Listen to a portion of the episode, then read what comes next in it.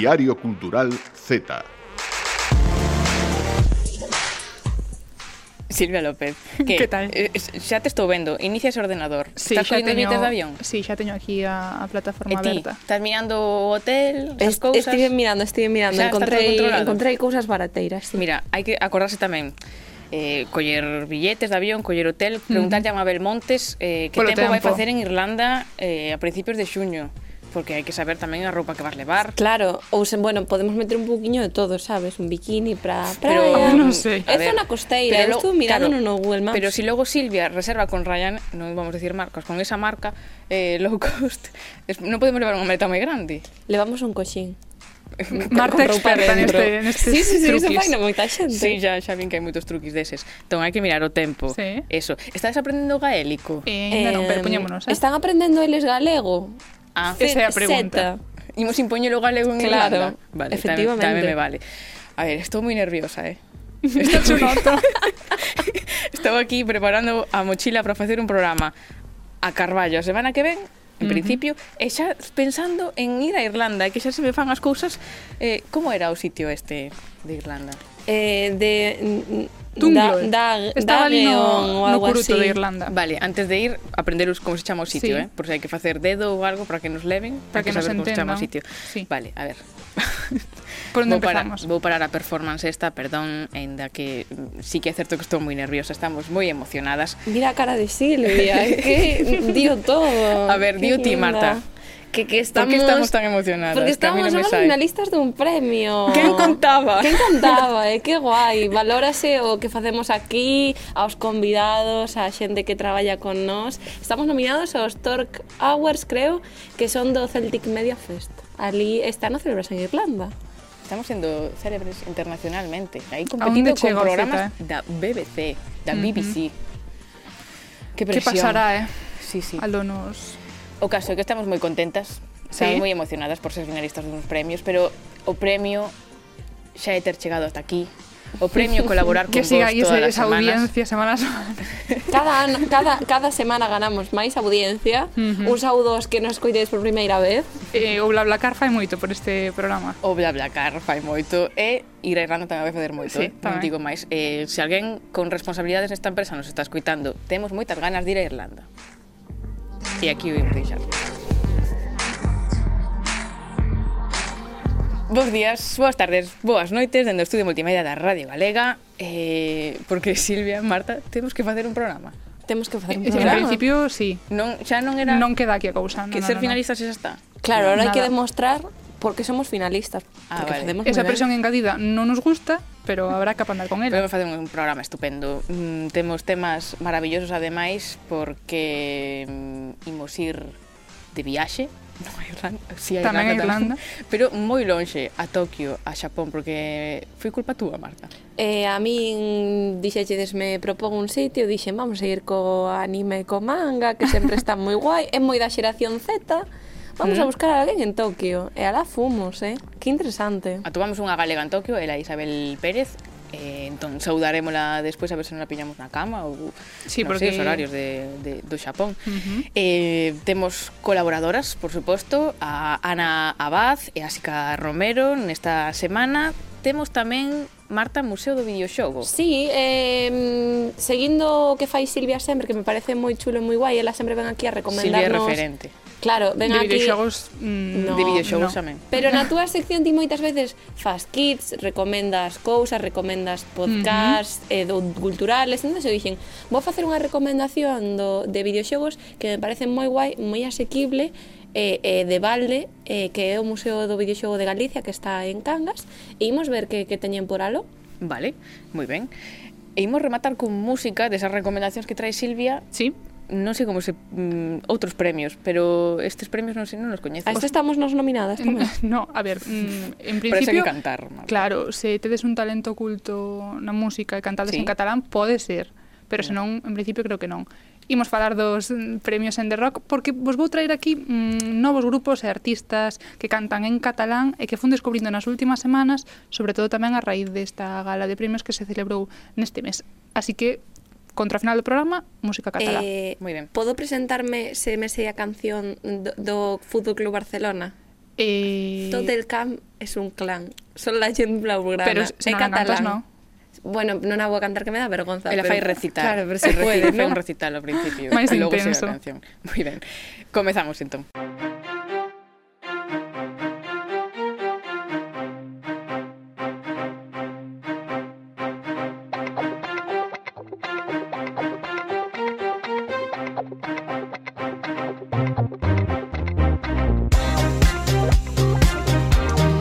que ninguén pense que eu Eu nin pincho nin gordo neste programa. Cada En día, absoluto.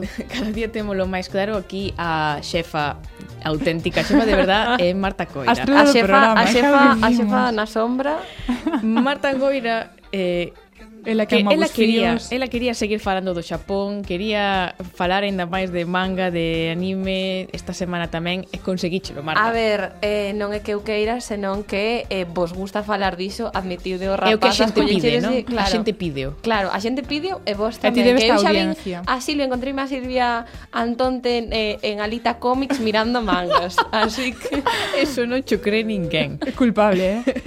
eh ben, O caso é que esta semana para cumprirlle os gustos a Marta Non, non é para iso, é eh? porque nos encanta viaxar Esta semana imos viaxar ni máis ni menos que o Xapón Ata Tokio que, que imos tamén che digo. Moito máis alado para Dornelo. Moito máis alado para... É que xa... A viaxe máis longa. É que en, en Tokio non creo que sepan o que é o Padornelo, siquera. eh, no tamén che digo, se queremos ganar certo premio, teremos que ir algún día a Irlanda. Ide apuntando. Ah, Ide sí. apuntando un Padornelo en Irlanda non estaba mal. Pero hoxe quedamos, hoxe quedamos en Tokio, no Xapón, e dende ali escoitanos Isabel Pérez. Que tal, Isabel? Hola, moi boas. Eh, Xapón, a verdade está ben lonxe daqui. Eh, como chegaches hasta ali, Isabel?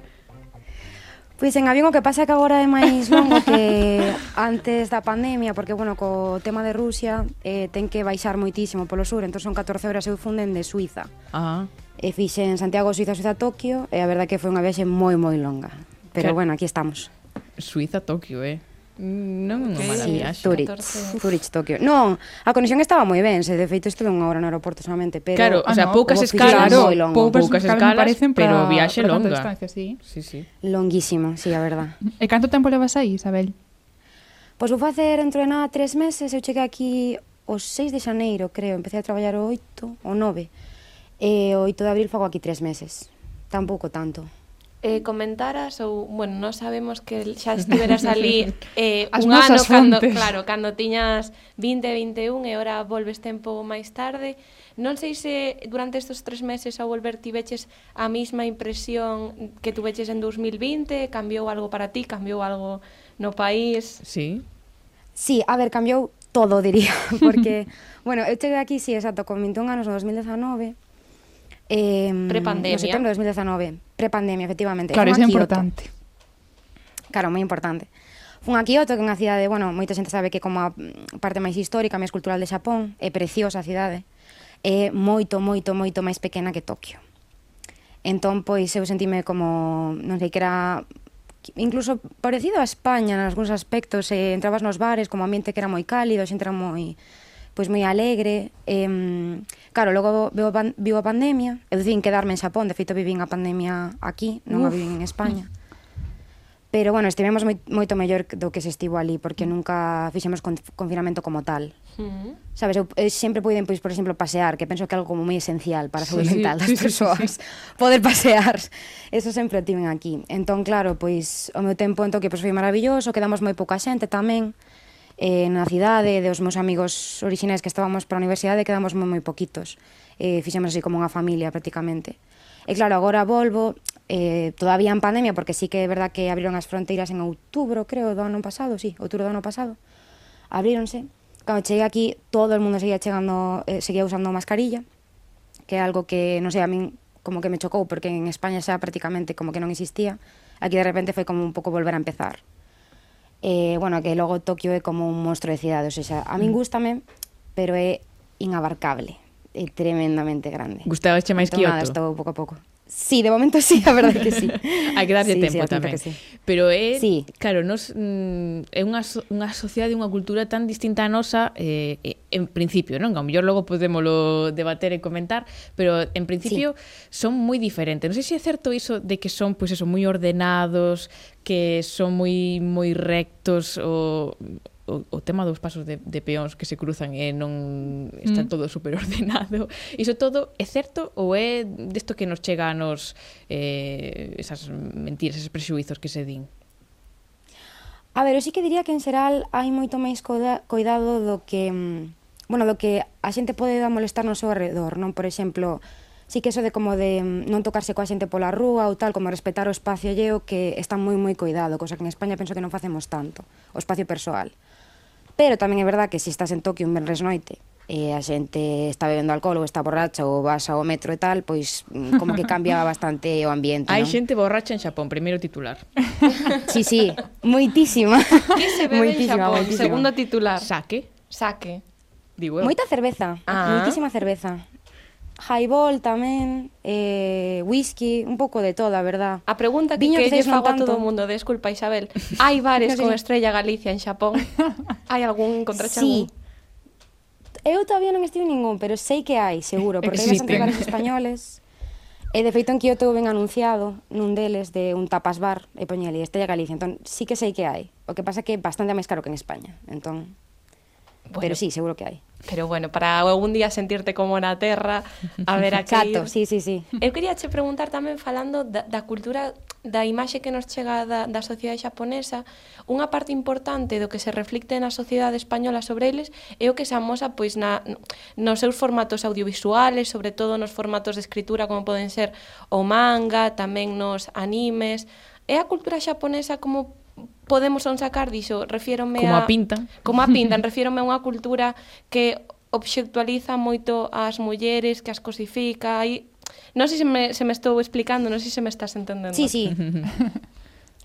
sí, eu penso que sí, que de feito hai como distinguidísima cosificación da muller, eh, de feito notase moito máis o machismo que en España, mm, é bastante máis recente que a muller este sexa pois máis activa na sociedade, Mm, sí, eu noto esa diferencia, que bueno, que España tamén cousas que me, ten hmm. cousas que mellorar, por suposto, pero noto moito máis aquí que o que notaba cando estaba en casa.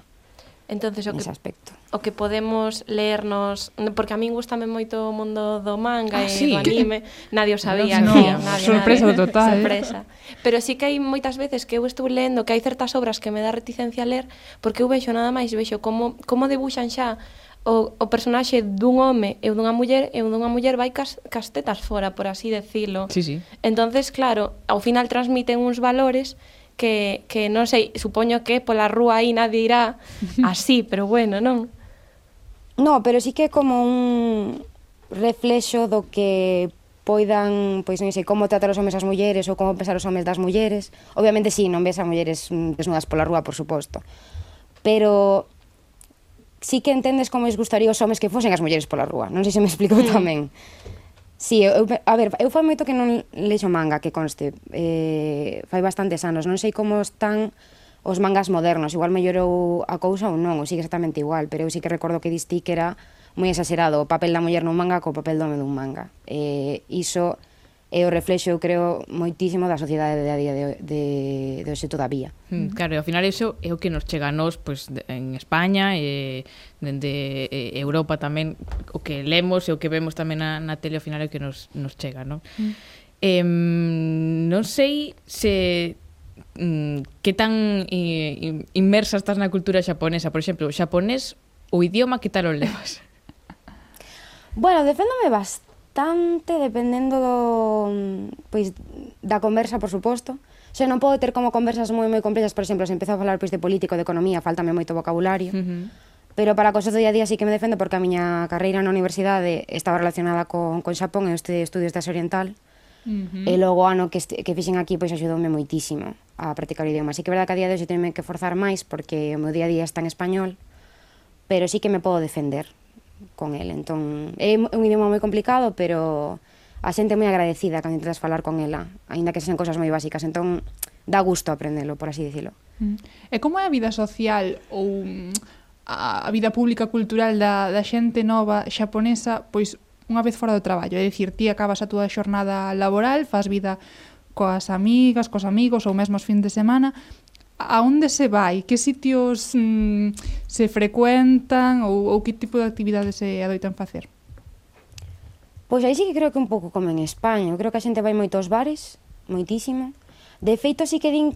O sea, xa eu isto non o experimentei de primeira man, pero polo visto sí que hai como unha cultura un pouco forzada de ter que ir a beber como todos os días ao traballo, ainda que non queiras, por facer pois como cultura de grupo ou de, sí. que sei, familia de empresa a xente como que o detesta, porque hai xente de feito que non bebe alcohol. Esta sintes un pouco como obligada a meterse nese grupo, porque moita xente pe, eh, pensa que os japoneses non, moi, son, non son moi sociables, e eu penso que é totalmente mentira, que de feito son ás veces demasiado sociables, porque todo ten que ser en grupo. Entón creo que sí, que normalmente a xente pois vai aos bares, despois tamén hai moita cultura do karaoke, iso é totalmente certo. Oh, moi fan des. Eh, lles encanta. É impresionante, xente volvese, pero loquísima, hai, de feito hai perrucas, hai maracas, hai de todo eh, é unha cultura moi divertida, pensou, porque podes ver alguén de traxe que de repente pois se quita a chaqueta, empeza a cantar e a bailar. O que vemos en Sinchan é real, no eso pasa. Sí, sí, eso, Sinchan é un gran exemplo, penso eu, o sea, moi realista de como é Xapón, de verdad. Nunca pensei que escutaría esa frase, pero moitas grazas. No, por... no, pero no, no. totalmente, totalmente. Eu penso que é como o máis fiel que teño visto eu na televisión. E a comida? Perdón, eh, Marta, nada, nada, é que eu quero saber comida, da comida, sí, sí, porque claro, o que tamén exportan moita comida, claro, as galletas. E comen boniatos e moitas outras cousas. Que tal a comida? Como levas iso? espectacular. Claro. Eh, por 500 yenes, que poden ser como pois 4 euros, non sei como está yen agora, pero algo así, eh, comes moi moi ben en moitísimos sitios. O sea, é moi barato comer fora de casa, eh, eu aínda non estiven en ningún lugar no que a comida estivese mala sea, o nivel é moi moi alto, o servicio tamén é impresionante, se xa tratan a todos os clientes como se fose primeira clase, todos os restaurantes, aínda que sexa unha cadea, uh -huh. tal cual, eh, non sei, hai de todo, absolutamente de todo, está todo delicioso. E que tal te manexas ti ca comida xaponesa? O sea, xa aprendeches a, a facela? Sigues cociñando algunha comida de, de Galicia ou de España? Como vai o tema gastronómico xa a nivel persoal? A ver, a nivel persoal eu non cociño nada, prácticamente nada. Entendible. Sí, porque cando estás aquí, non sei, creo que preferes como experimentar o que hai fora. Eh, claro, se, se tes os cartos poden xo permitir, pois creo que é eh, moito mellor sair afora e experimentar o que hai aí. Pero sí que ás veces sí que cociñamos pois todos xuntos en casa, porque eu eh, na miña oficina somos varios becarios, eh, facemos grupo, Mm. Entón, pois aí pois, sí que tiramos un pouco máis como de comidas que estamos máis acostumados, pero podemos facer tortilla ou noite de tacos, ou o típico que farían estudiantes o mellor en España, pois traducímolo aquí prácticamente, é o mesmo. Antes eh, eh, falamos de, de que tal se che dá eh, falar xaponés. Eu quero preguntarche que tal se che dá escribilo, porque, claro, a ver, eu non quero caer en ah. tópicos, pero todo o que sei de Xapón, sei no pola, polos mangas e polos animes. Sabémolo, eh, Marta. Eh, eh, teñen, en plan, nalgúns mencionan que teñen como tres tipos de escritura diferentes ou tres tipos de, de, de alfabetos. Non, estou, non sei exactamente, pero sí que hai varias formas de escribir, non? Que tal levas iso? si escribilo levo moitísimo peor do que levo falalo, pero moitísimo. Porque efectivamente eh, os kanjis, que son os caracteres que veñen de China, pois creo que a partir de 2500 empezas a ter como unha base bastante boa e a partir de aí vai como complicándose a cousa. 2500. Se queres ler un periódico necesitas un pouco máis. Sí, caracteres, que tes que memorizar. Pero moitísimo, nos que temos, nos temos 27, quero decir. O bo que esos caracteres complicados sempre se poden simplificar nos outros dos alfabetos que dicías ti, que hai tres en total, hai dous básicos que chamase hiragana e katakana. Hmm. Eh, o katakana é un alfabeto que se usa exclusivamente para escribir palabras estranxeiras. Non como pode ser o meu nome, por exemplo, o meu nome iría en katakana. Uh -huh. Pero tamén ás veces utilízase para poñer énfasis en certas palabras xaponesas. Entón, é verdad que ás veces está mezclado. E logo está o hiragana, que sería para simplificar os caracteres chinos que dixen antes, que son os kanjis. Entón, se non sabes como escribir un kanji, sempre podes escribir en hiragana, que eso obviamente salva moitos casos, non me, mm, pola miña experiencia. eh, entón non é como imposible, pero sí que é verdad que é moi moi complicado escribir japonés moi moi complicado. Meo que me parece unha fantasía de, de, de lugar, xa, xa non che digo vivir, non? Que te este acostumar a moitas cousas, pero unha visita a Xapón, Marta Silvia, non nos... O soño de Marta. Non, non, non dicíamos que non. Acollasnos na túa casa, Isabel. Uns días na máis, eh? Pouquiños. Nos meus 14 metros cadrados, estades máis que benvidas. vida. nos ocupamos un. Facemos eh, apilámonos unha encima da outra, non te preocupes. Exacto, nunhas literas Vale, perfecto. Aí. eh, perfecto, por suposto. Non te quero puñer nun apuro, pero como te despedirías de alguén en xaponés? Eh, pois depende, é que é moi é un país moi jerárquico, entón depende se é un amigo, se é un compañero de traballo. Somos amigas, se... sabes, somos amigas. Somos amigas. Pois mátane, como hasta mañana. Vale, pois... Mátane. Pois mátane. Quedamos, mátane. Mátane. Pois, a ver, non digo que te vayamos chamar mañán exactamente, pero eh, pronto, porque foi un auténtico placer falar contigo, e, Isabel. Así que moitísimas grazas por eh, responder a chamada do Diario Cultural Z. Deixámoste, eh, que horas manexas? Irás pa cama? Son as oito, non, todavía non. Todavía teño un vale. ratiño. Ainda, ainda, o, o prime time da televisión xaponesa. Claro, cali. exacto, exacto, exacto. Iso que marca. Iso que marca hora de ir pa cama. Isabel, moitísimas grazas, un placer. Moitísimas gracias a vos, un placer. Diario Cultural Z. Cumbia.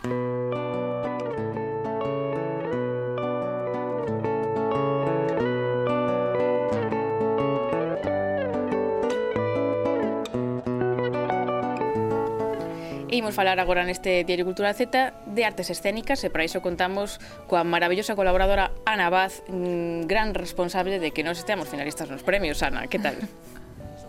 Hola, que tal? Parabéns. Eh. Parabéns tamén a ti, por suposto. Moitas grazas e, e compartidos con todas que, que estades aí todas as semanas facendo un traballazo.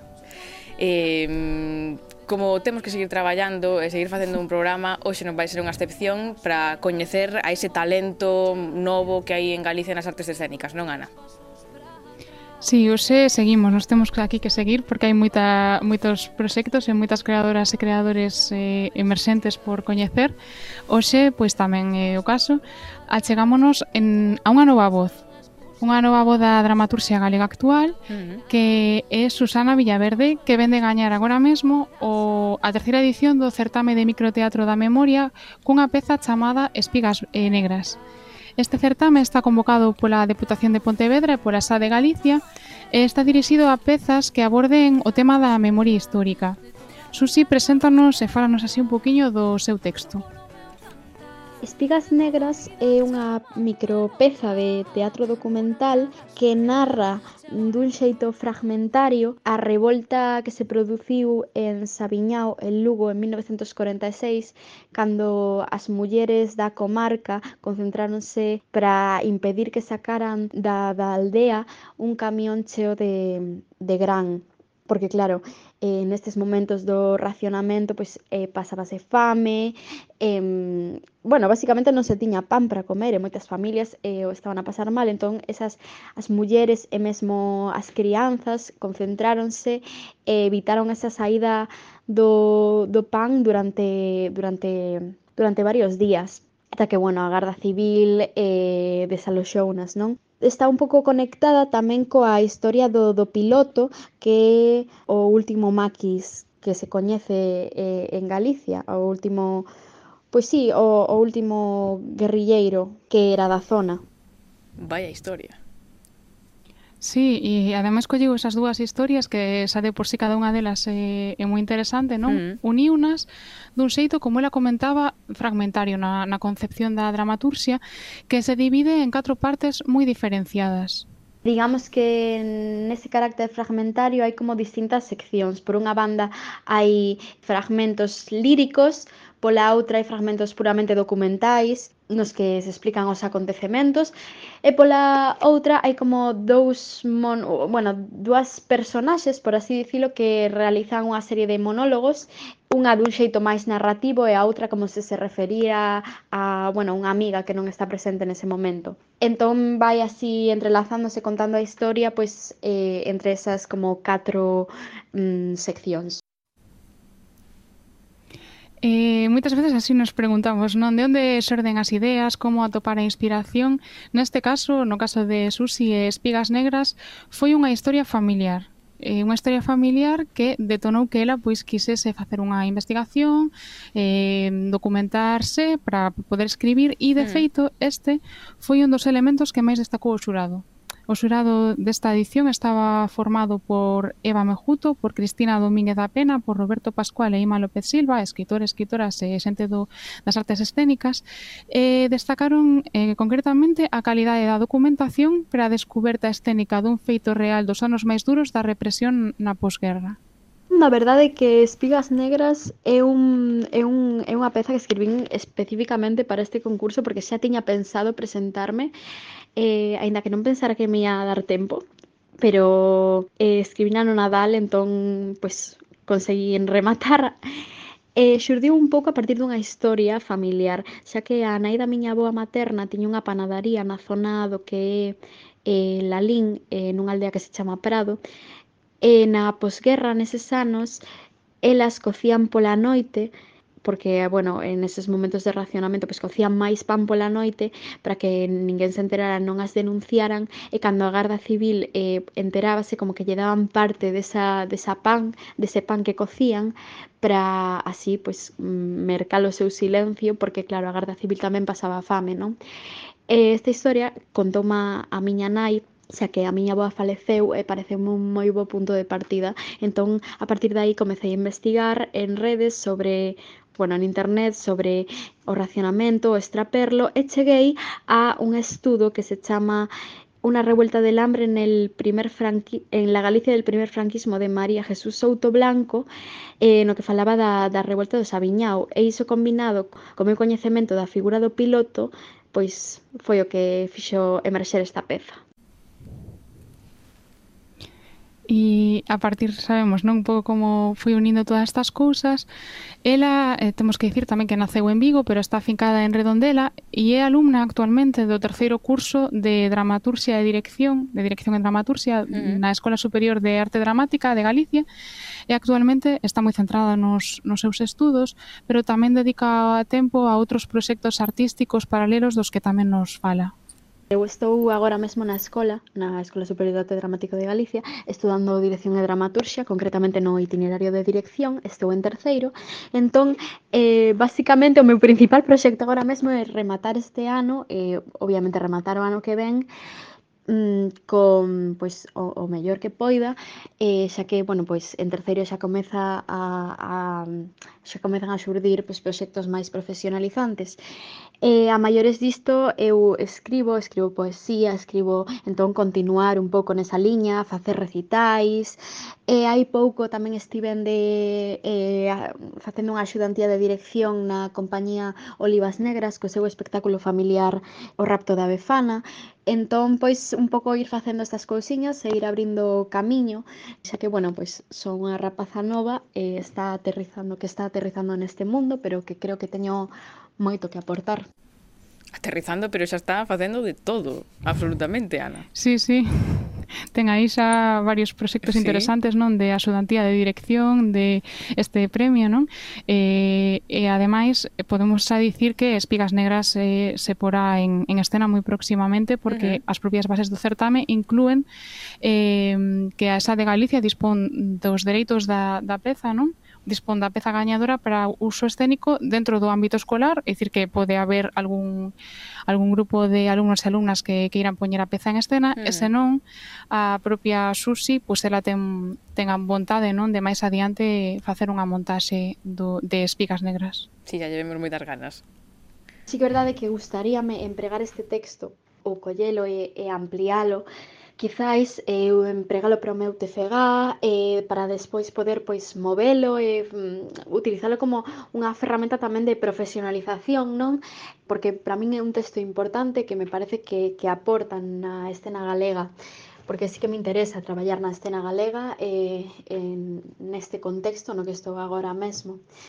Ainda que Tamén teño a idea de quizáis ir un ano de prácticas, na, se puidera algunha compañía, eh, pois tamén para formarme no, no teatro que se fai noutros lugares, eh, beber un pouco de todo iso, pero sí que me interesa traballar no que é a contorna teatral galega. Eh, penso que este texto pois é unha boa oportunidade. Pero que falaran aquí que xa falaran aquí algún outro director e directora de escena, non o que enriquece poder facer prácticas, poder facer eh, participar en proxectos con outros directores e directoras para coñecer pois o seu sito de traballar e, uh -huh. e coller novos recursos, non? Sempre enriquece moito.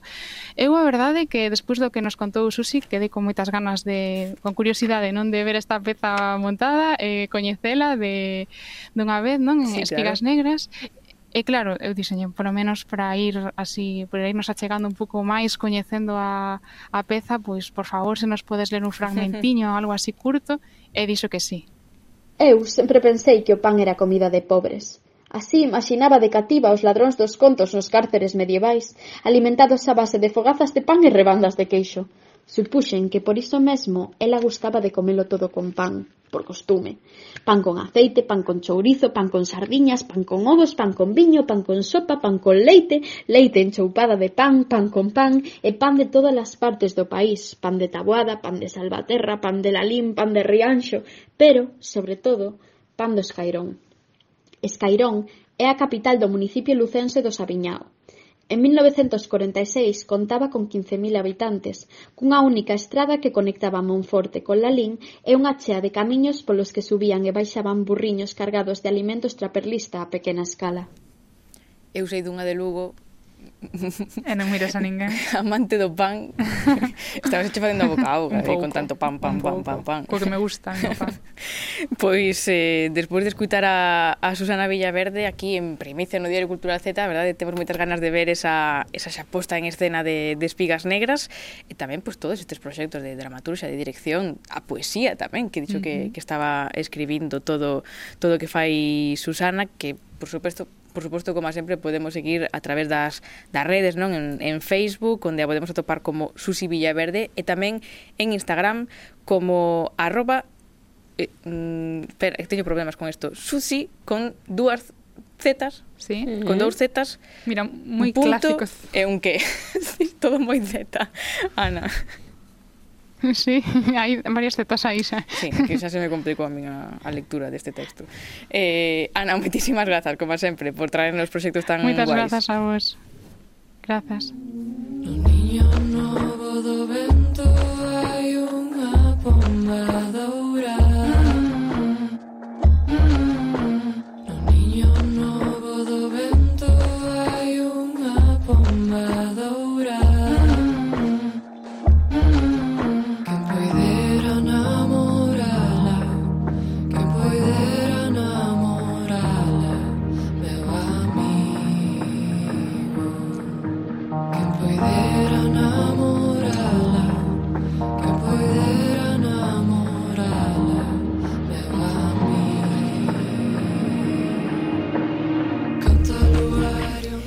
Jessica Romero, ¿qué tal? Moi ben, non boa. Eh, non, non, parabéns tamén a ti, a ti por suposto. Todas, claro. Xa levas mm, pouco tempo no muy programa, pouquiño, pero sí. unha parte moi importante do, do Z son as túas colaboracións. Xa ves que mm, un programa de premio como o noso, bueno, de premio. a ver, non vimos poñer o, o carro diante das vacas, que diría muy Silvia, pero xa ves que aumentamos un pouco o orzamento, entón xa che poñemos agora o repousalibros para ti. eh, bueno, moitísimas gracias. Outro día vin con un destos eh, roubado. roubado, e máis que non era esa a súa función. e hoxe xa eh, de primitiva nada. Estou aquí, estamos a tope. Aumentamos de nivel. Sí, queda ben, non? Aí, así. A ver, que libro traes aí? Ai, traio un libro que me fai moita ilusión. Eh, prometo que non sempre dixo mesmo. eh, o un libro que levou un premio tamén, eh, o premio Illa eh, de Narrativa, eh, Illa Nova, non sei que estou dicindo, Illa Nova de Narrativo, en Narrativa. Veña, va. En decembro do 2022, eh, Irene Rega, sí. Eh, eres a súa autora, non é o teu único premio, eh, recibiches hai moi pouco tamén o Premio Novela Vilar Ponte, eh, que aínda non saiu a, a novela, pero significa que, que sairán cousiñas. Sí, sairá posiblemente este ano, pero sí. Que ben. Unha moita ilusión. Eh, quería preguntarche... Hola, Irene. Eu sí, por sí, saudar, eh? Saudar. non están reñidos con nada. Estou descontrolada hoxe. Eh, como viviches o, o momento en que alguén che chama por teléfono e che comunica que gañaras o premio Illa Nova de Narrativa? pois foi un momento pois moi intenso. Eu eh, estaba eh, as última o último día, o sea, dous días para as oposicións, entonces eu estaba a tope eh, mañá, madriña, tarde, que momento noite, ese. estudando, e eh, de repente pois vin unha chamada de teléfono.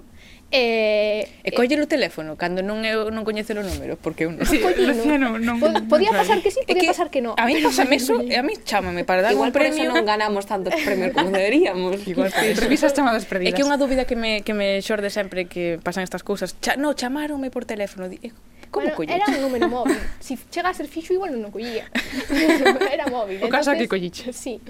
Eh, collino eh, e dixeronme, hola, eres Irene Rega?" E eu, "Si, sí, son eu."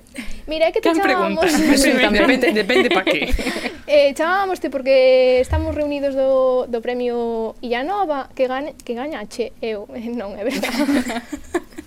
Además de que me saleu así directamente, non, non é verdade. eh, que sí, que sí. Que... Eu, eu puxeme a recapitular. Un amigo que me está gastando unha broma vai a día para gastarme esta broma, non? Moi mal escollido. que me din conta que non lle dixera a nai que, que participaba, entonces dixen, ui, espera, igual é verdade. Igual é certo, sí, sí. eh, foi moi intenso, foi un momento de... Eh, cañei, descoloqueime, eh, sei que estuveron falando comigo un cacho enorme, non me acordo absolutamente nada. me lloras veces. Eh? sí, sí. Eh, a segunda vez que chamaron para darche outro premio, aí xa non dixeches non é unha broma. bueno, pensei no. bueno, eh... cando veño o terceiro que, que... Seguramente o mismo. eh, no segundo premio eh, estaba, non me acordo onde estaba, pero sei que, que vin a, a chamada, collina, e dixeronme, eres Irene? Sí. Gañaches o premio Vilar Ponte, eu espera, un momento. A este pasa un flashback, a ver, a ver. Hai unha persoa que non para de chamarme para darme premios, en que broma esta. Sí, eh, bueno, tuve a suerte de que deste, eh, bueno, suerte, eh, neste eh, íbame chamar ao día siguiente, entonces tuve tempo de asimilalo, de pensalo antes de soltarme toda a información. Claro, que ben. Sí. Jo, que bonito. Eh, a verdade é que o, a novela eu lina en dúas noites eh, porque non podía parar de ler. Aquí non son a única que, que a leu. Eh... É que eu eh, xa entrevistei a Irene. Isto non yo dixen porque non me deu tempo a dicirlo. Pero xa entrevistei aí. Lucía. No, é que, no, é que non quería poñerte nerviosa porque xa sei que é moita presión. Eh... Muy Continúa, ben. Xica, por favor. Tes aí unhas preguntas. Vale, eh, está claro que a Lucía lle, lle gustou a novela, lle encantou. eh, te, tratas nela temas eh, que son moi importantes, que están, eh, bueno, mm, circulando moito nos medios de comunicación, porque se fala eh, do, do acoso escolar, do bullying, eh, máis extendido, non? Como, como bullying. Eh, de onde xurde a malferida? Que, que querías transmitir con, a través da historia? Eu son mestra, entonces eh, na carreira, eh, agora na, na oposición, eh, eu tiña que ler pois, cousas sobre, sobre acoso escolar, sobre bullying, eh, coas miñas amigas, primeiro eso na carreira, e logo eh, estudando a oposición, pois falábamos moito do tema, porque era un tema pois, que nos preocupaba a todas. Eh, moitas veces pois eh, intentas pensar en, en libros para tratar con nenos, libros que traten sobre este tema enfocando nesto, libros que traten sobre isto. Eh, puxeme a pensar na, na rapaza, en Mariña. Eh, ao pensar en Mariña, eh, quixen escribir unha historia con ela pero nun, costoume moito pensar en como a quería tratar, en como a quería presentar, e ao final eh, pensei na, na novela para adultos, para un público un pouco máis eh, maior, porque moitas veces, pois, como persoas máis maiores, máis formadas, podemos eh, cambiar, trocar a, as tornas pois moito mellor que un neno que pode non ter esas ferramentas que non saber como de grave pode chegar a ser o que está facendo. Entonces, pois esa foi a idea de eh, de que sexa unha novela pois máis para adultos. E logo eh, unha novela policíaca, unha novela negra. Sí porque, bueno, é o meu xénero favorito. eh, tuve moitas dúbidas sobre comezala desta maneira porque, ao ser, eh, eu creo que canto máis eh, en pedestal poñemos algo, máis medo tes a intentalo. Mm. Entonces pois eh, costoume moito decidirme por eso, porque pff, é o meu, o meu xénero favorito. Mm, poderei, non poderei. Entón, eh, escribina, e eu non quería mandar a ningún sitio. eh, non sei se xa yo contará a ela, pero... Primicia. A mellor sí. pero costou un, mo un montón decidirme, e eh, eu deixei ela ler as miña, a familiares meus, a miña tía, e a miña nai, Eh, e las dicíame, no, que boa, que vades dicir vos, a ver, vamos centrar un momento, vos non me vades dicir que, que son un desastre, non? Entonces, bueno, pode, eh? non é o caso. E entonces, pois, eh, costoume moito decidilo porque pensei, va, veña, vou a mandar, porque eh, así cala un pouco co tema, non? Menos mal, sí. menos mal. Alégrome de teres feito caso. Como novela negra funciona moi ben, o mellor precisamente porque é un xénero que, que che gusta tanto, sí. que che presta, entón, eh, bueno, boa decisión, non? Deixar aí os demos un pouco de lado. Lin tamén que, bueno, te eh, todos esos artigos que tiñas que ler para polo que ti estabas estudando, para preparar hmm. as opos e tal, que foron como unha fonte importante para eh, desarrollar as personaxes e o, o tema en xeral, e creo que se eh, bueno, que se deixa ver moito que quen escribe eh, sabe do que escribe, porque non parece que simplemente mm, sexa algo de alguén que o viviu ou que o ve dende fora, non? Porque tratas moitísimos puntos e moitas perspectivas, porque está a perspectiva da, da policía, dos seres queridos, de, de quen cala. Sí, eh, nos falábamolo moito. Hai eh, tanto como cando era máis pequeniña ou máis maior, pois ves moitas veces, eh, eu son moi observadora, entonces pois ves moitas veces pois nenos separados no parque, ves moitas veces eh, persoas que realmente pasan mal, incluso nas redes sociais, pois mensaxes pois, que doen, eh, ves as noticias, ves eh, eso, publicacións, eh, posta a pensar, eh, posta a pensar que sí, que eh, nos artigos e todo, un punto moi grande é o acosador, Outro punto que sufre moito é a víctima, pero que pasa con todos os que están ao redor? En ese, eses puntos, pois, tratanse moito como eh, que lles afecta tanto máis como aos que están máis implicados, porque realmente veno, non fan nada e asumen que iso está ben, que iso eh, non ten consecuencias e acabas eh, mentras que mires eh, como esa persoa sufre, pois acabaste convertindo tú tamén pois nun acosador que non fai nada. Eh, pareceme eh, moi forte porque moitas veces mm, acábalo facendo porque tes medo, eres humano. E, É porque non hai ferramentas. Non hai ferramentas. E a culpa que no, no libro eh, creo que se trata moito a, o tema da culpa que eh, dixo iso e, eh, e vou directamente a outra novela negra de, a de María Solar. Non, non imos facer promoción. Aquí, que por certo eh, acaba de traducirse ao castelán e ao catalán. E ao catalán. Ainda non sei se está xa nas librarías, pero sí perdón. Aquí unha TDAH.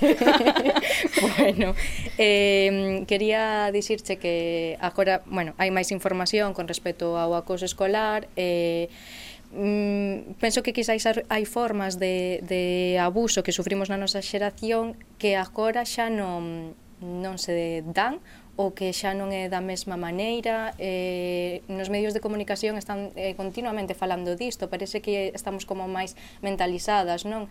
Crees que hai unha, un cambio en positivo que é o mesmo pero de outras maneiras? Eu cre creo que é o mesmo ou máis grave, todo moi diferente, porque, por exemplo, na xeración de un pouco máis maior que a min, non tiñan teléfono móvil, nin tiñan redes sociais, nin tiñan nada. Na miña xeración xa, xa empezou eh, cando eu iba ao instituto. Mm. Xa había teléfonos móviles, e xa había internet, e xa había pois, moitas eh, movidas que igual non se coñecían e non había mesmo tratamento que agora. A medida que a sociedade pois, medra, medran tamén as, as leis. Eh, a lei que protexe aos menores sobre o acoso escolar, sobre todo o acoso eh, por, polas redes, por internet, é moi reciente. Mm. Entonces, pois daquela pois non había eses mecanismos, non se coñecía tanto, non se coñecía as repercusións, porque eu cre... a, a ver, vou falar sobre a miña novela.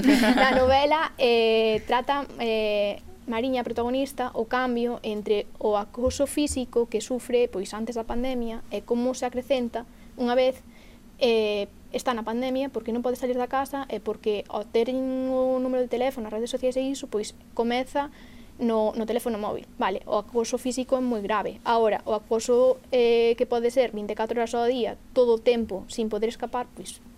Claro, é como esa dobre arma, non? Que xa non é algo que, que se quede eh, cando estás en contacto con, con estos acosadores. Mm. Bueno, pois jo, só podo convidar a xente que, que a que lea a novela e, mm, tampouco quero tratar moitos máis temas porque vamos a desencanar aquí, aquí un pouco sí, un pouco un tristes, pouco tristes a verdade.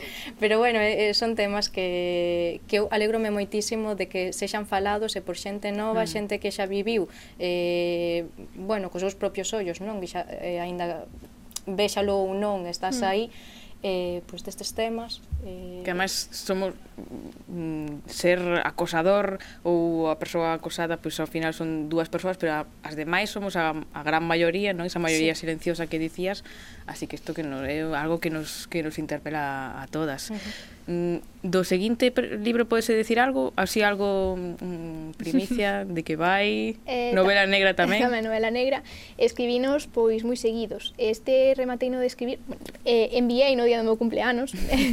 que día 12 de xaneiro. Mm. Eh, creo que faltaba pouco para que rematara o prazo de entrega. Entonces, pois, xo levei ali e o día do meu cumpleanos. e o seguinte, pois, enviei un pouco despois, fonos escribindo pois, máis ou menos, porque tiña, o sea, eu traballo moito en, en, en ráfagas. A mí ocurres unha idea e apunto a. Eh, tiña, a, o do Premio Vilar Ponte, tiña escrito, tiña escrito unha página desde facía mm, bastante tempo. E un día quedeme pensando, dixino, aquela páxina que tiña, se lle meto isto, igual funciona. Se lle meto mm, 80 páxinas máis. si, sí, máis sí, Pero, pero dixen eu, oh, pode funcionar se lle faigo isto. Puxeme a escribilo e dixen eu, vai. Eh, trata sobre unha rapaza nova que está estudiando un doutorado e vai dar clases á Facultade de Periodismo de Lugo, non existe. eh, non. bueno, é como bueno, o Instituto de Viveiro sí, que sai aquí, na Malferida. O bon de, de, de escribir é que te podes inventar todo. Por suposto, sí. Para adiante. Ou podes eh, inventar un pouco e non dicir o que é mentira. Claro. Mira, eh, chegando a Lugo, cando eu empecé a carreira, dice miña avó, ah, mira, por aí está a Facultade de Periodismo, miña formación de profesorado. entonces quedeime con eso na, na miña cabeza profesionalismo. Nunca sabes o que che vai levar a unha boa historia. Eh? Claro. Eh? Entonces, é eh, unha rapaza nova que se vai traballar ali e ali pois pues, un, ten un pasado traumático de, de acoso sexual. Eh, bueno, a partir de aí pois pues, pasan cousas. Wow. Que non pase nunha facultade de periodismo. Quedará co título que lle puxeches a buen de tecendo redes. Eh, creo que si sí, aínda non está ah. nin editado nin cerca, pero non sei aínda. A ver, a ver como acaba todo. Próximamente porque... no Z, podemos sí. decir, ¿no? Estará apoyado. Próximamente no Z. Sí, eh, é a nosa frase favorita. Próximamente. Un placer, Irene, tete no Z. Igualmente. Moitas Xica, gracias. grazas. A vos. Diario Cultural Z.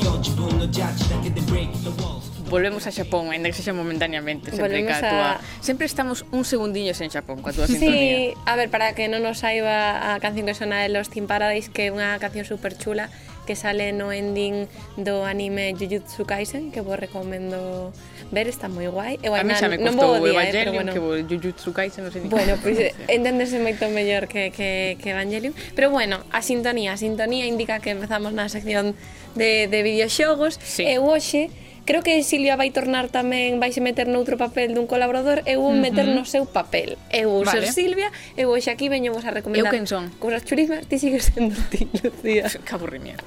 Pero, e se queres outro ser, día claro, outro día que cansado claro, pero bueno Eh, hoxe, como dixen antes, imos falar do Museo do Videoxogo de Cangas, o Museo do Videoxogo Galego, que está en Cangas, para ser máis precisos, que é un espazo que se inaugurou en setembro do 2022, o ano pasado, uh -huh. da man dos irmáns Jacobo e Galo Martínez Nieto e a Fundación Museo do Videoxogo, e sempre, sempre, sempre, isto xorde cunha intención moi clara. A intención de as persoas tiveran acceso a, a historia do videoxogo, e eh, pois puidese achegarse a elas dun xeito interactivo. E todo isto abordando o videoxogo como sempre pensamos que merece, que é como un medio de expresión cultural, e como unha ferramenta educativa de seu, e pois que serve para contar historias, para transmitir ideas, igual que poden facelo pois a música ou o cinema ou outras expresións culturais. A esta persona que estábamos escoitando agora falar é Jacobo Martínez Nieto, un dos fundadores, como dixen, é o actual director deste museo, e cando falei con el, recalcaba sobre todo que, bueno, que a inauguración foi en setembro, pero inauguración non significa nacemento nin orixe, porque o Museo do Bioxogo naceu oficialmente no 2019, o 2 de febreiro, creo recordar, e no seu día foi o, o primeiro museo desta índole, ademais en aberto, que se podía visitar, que había en España, Entonces, tal foi o seu éxito que tres anos, catro anos máis tarde aproximadamente, decidiron trasladarse, decidiron buscar unha nova sede, ter un lugar máis amplio, con máis opcións e, sobre todo, con máis espacio. Foi un cambio importante, estábamos nun local máis pequeniño, máis humilde, en 50 metros cadrados. Agora, pois os espazos do MUBI suman ao redor de 320, con espazos mm, pois, polivalentes, que nos permiten levar a cabo pois con comodidade todos os nosos proxectos. E, e realmente pois foi o inicio eh, obviamente dun, dun aumento non eh, na, na cantidade de, de persoas eh, que, que recibimos todos os sábados.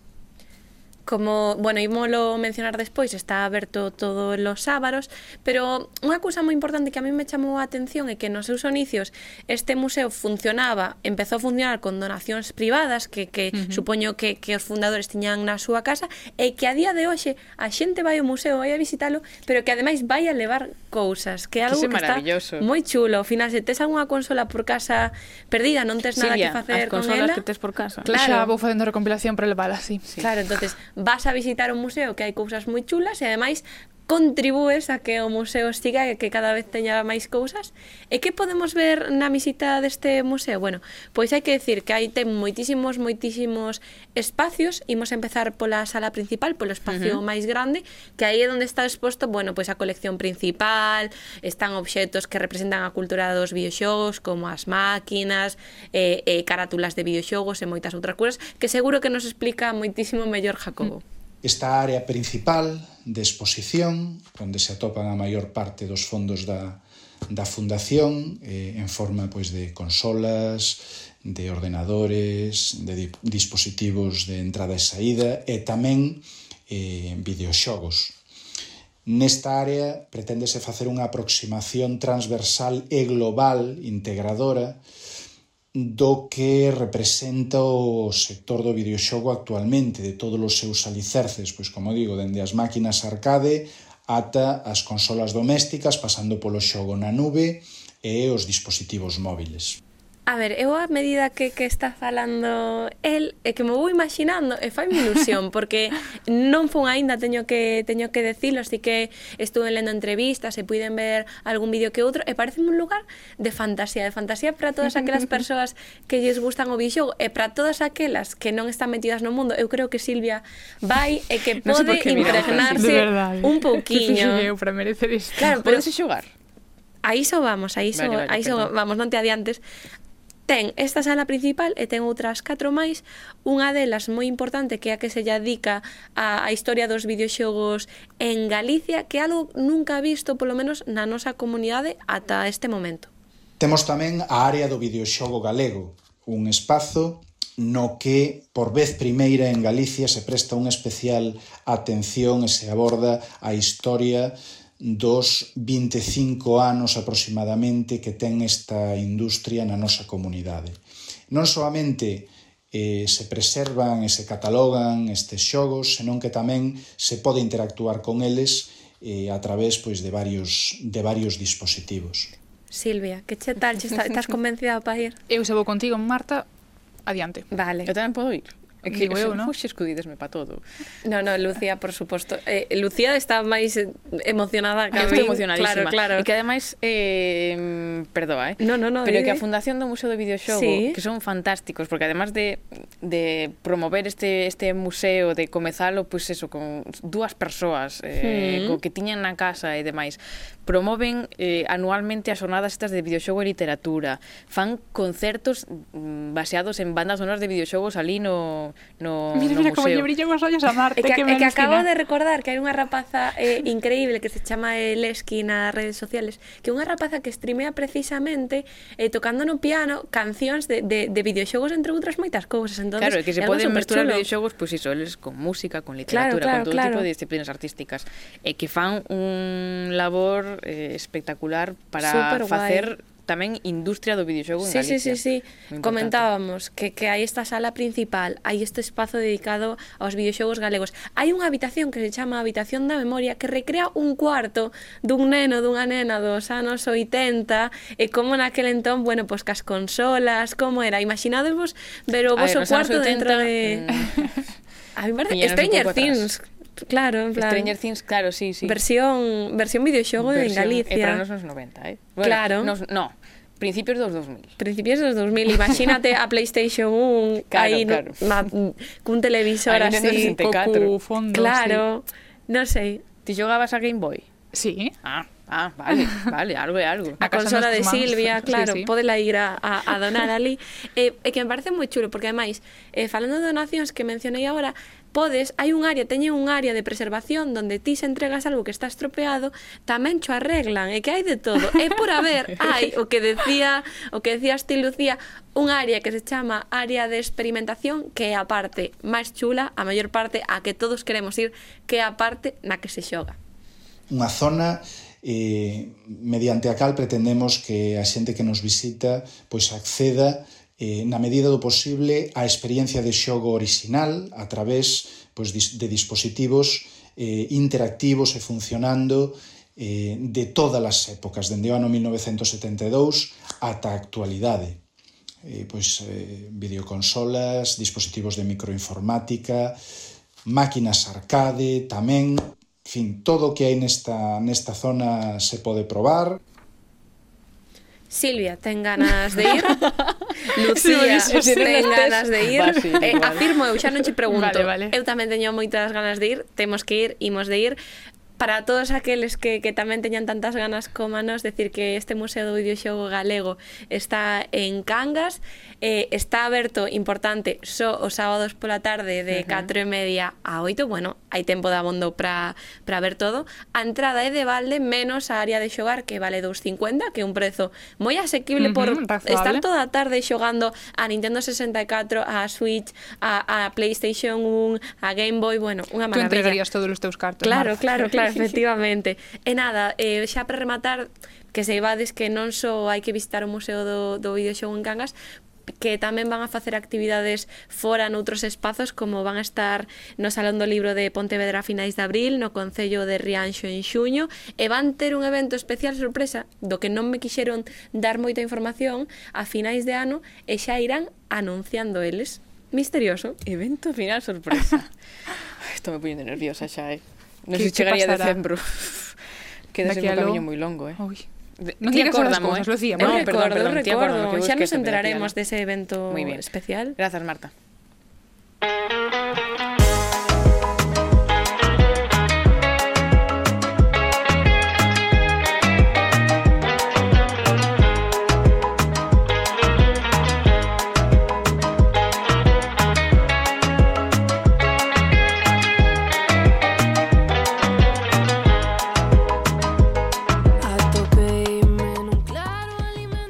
Que se sí. pasa? Nada, estaba bailando, que me gusta. sí. Que gusta Está moi chula, eh? Chámase Camiñar Camiñeira, Lontreira. Pero eh, eu pensaba que ibas falar de músicas en catalán. Sí, pero así para iniciar gustoume esta, así para que te puxeras bailonga non me saliu mala cousa. é que, perdón, é que eu só teño un movimento de baile que é facer así cos ombros. Parece Podes corroborarlo Digno de ver, sí, sí, sí. No, digno, digno de ver. ver. Non, este programa escoitade o podcast non vexades en Youtube porque non merece a pena. Pero sí que viña a falar de música catalá, non estabas aí equivocada. Viña disposta a facer de Alex Ganda, de traer aquí un un feixe de recomendacións e descubrimentos de grupos e de artistas non Cata en galego. Facer de Alesgándara significa eh, só falar de grupos catalans que canten en catalán, sí, neste que caso, non canten en portugués nin en español. Eh, correcto. Algún deles mestura algunha palabra polo medio ou algunha frase, porque é como se fala no día a día, pero sí, son grupos e artistas cataláns ou valencianos, mallorquíns, etc., que uh -huh. cantan en catalán que fun descubrindo nas últimas semanas e sobre todo tamén porque neste mes de marzo celebráronse os premis Ende Rock, que son os premios da música catalá mm, dos que saen pois nomes que escoitaremos durante os próximos anos, eu fun anotando eses nomes e ademais hai unha cousa positiva, que foi a primeira vez que, que sexa a primeira vez non é positivo, pero que ocurra isto sí que o é. A primeira vez na, na historia destes premios que os proxectos liderados por mulleres recibiron a maioría dos premios dos votados polo público e pola crítica. Así que nós celebramos isto. Uh -huh. Eu traía un feixe de recomendacións, pero como trouxemos aquí tanto... Como que traías? Traía, porque nos puxamos a, a falar de, pois, de videoxogos, da malferida, de cousas policiacas, de, bueno, dunha chea de cousas, entón quedamos en tempo pero eu prometo que haberá unha segunda parte, a versión estendida, pero non, non podía deixar de pasar de poñer a unha das cancións mm, das miñas favoritas destas que descubrín vale. últimamente. No ho puc evitar ja no sé com fer-ho. M'ha arribat a les mans un coti ben salsero que ha mogut tot el mercat. No me'l puc treure del cap. Si vols aquest secret doncs per tres l'has de canviar. No ho puc evitar ja no sé com fer-ho. M'ha arribat a les mans un coti ben salsero que ha mogut tot el mercat no me'l puc treure del cap si vols aquest secret doncs per tres l'has de canviar no em vull saber res intento no creuar-te la mirada non me atrevo a bailar porque Como é o despois paso? fanme- burlanse de mí. Sí, un pouco É así. algo así. Pégalle moito esta canción, No, eh? non me movo porque despois burlanse de mí a Que non que xente. unha fantasía, verte. Arremeda, arremedades de min, que diría sí. miña boa. Esta canción chamase Coti por Coti é unha das miñas favoritas por varios motivos. Primeiro, porque se chama así, é dicir, é unha canción de cotilleo de rexouba coti, coti. é toda a canción sí, de cotilleo Significa por cotilleo. cotilleo. Claro, toda unha canción feita a partir dese momento no que che chega un salseo e non sabes como xestionalo. Eh, distribuílo claro, aí vai cousa cambias un salseo polo outro. Vale. é outro motivo polo que me gusta moito é, porque non sei se vos fixaste nese cambio de ritmo pero é que mesturan o reggaetón coa sardana. O sea, fantasía máxima. Fantasía total. Pois sí, e o grupo chamase The Tiets. Escoitaremos The Tiets. Ainda que eles así mesmos chamanse Als Tiets. Als Tiets, moito mellor Als Tiets que The sí. Tiets, onde vai parar. en próximos programas, en vendidos programas, escoitaremos máis de... Ca... Comel nos beizos, Silvia eu traía un, un feixe de, de artistas e de cancións Quedarán pero para volverán. próximas eh, Prometidísimo programas O próximo non, porque o próximo non. programa imos ir a Carballo Bien. ¿Estás la mochila preparada? Estou una preparando, hai que eh, consultar eh, con Meteo Galicia. Me, claro, vale. estás medio complicando porque estaba acá de Irlanda Na, eso ven despois. Ah, Primeiro, vale. a Carballo. Estaremos grabando o seguinte programa en directo dentro do Carballo Interplay, así que estades convidadísimas a vernos ver en directo. Asinamos autógrafos, todo o que fagas. grazas, eh, Marta, grazas, Silvia. Ata semana. E volvemos a semana que ven con moitísima máis cultura Z. Intento no creu harta la mirada. Coti per coti, coti per coti. No em crec històries inventades. Coti per coti. De tu ja no em lavorare. Non vuoi sapere.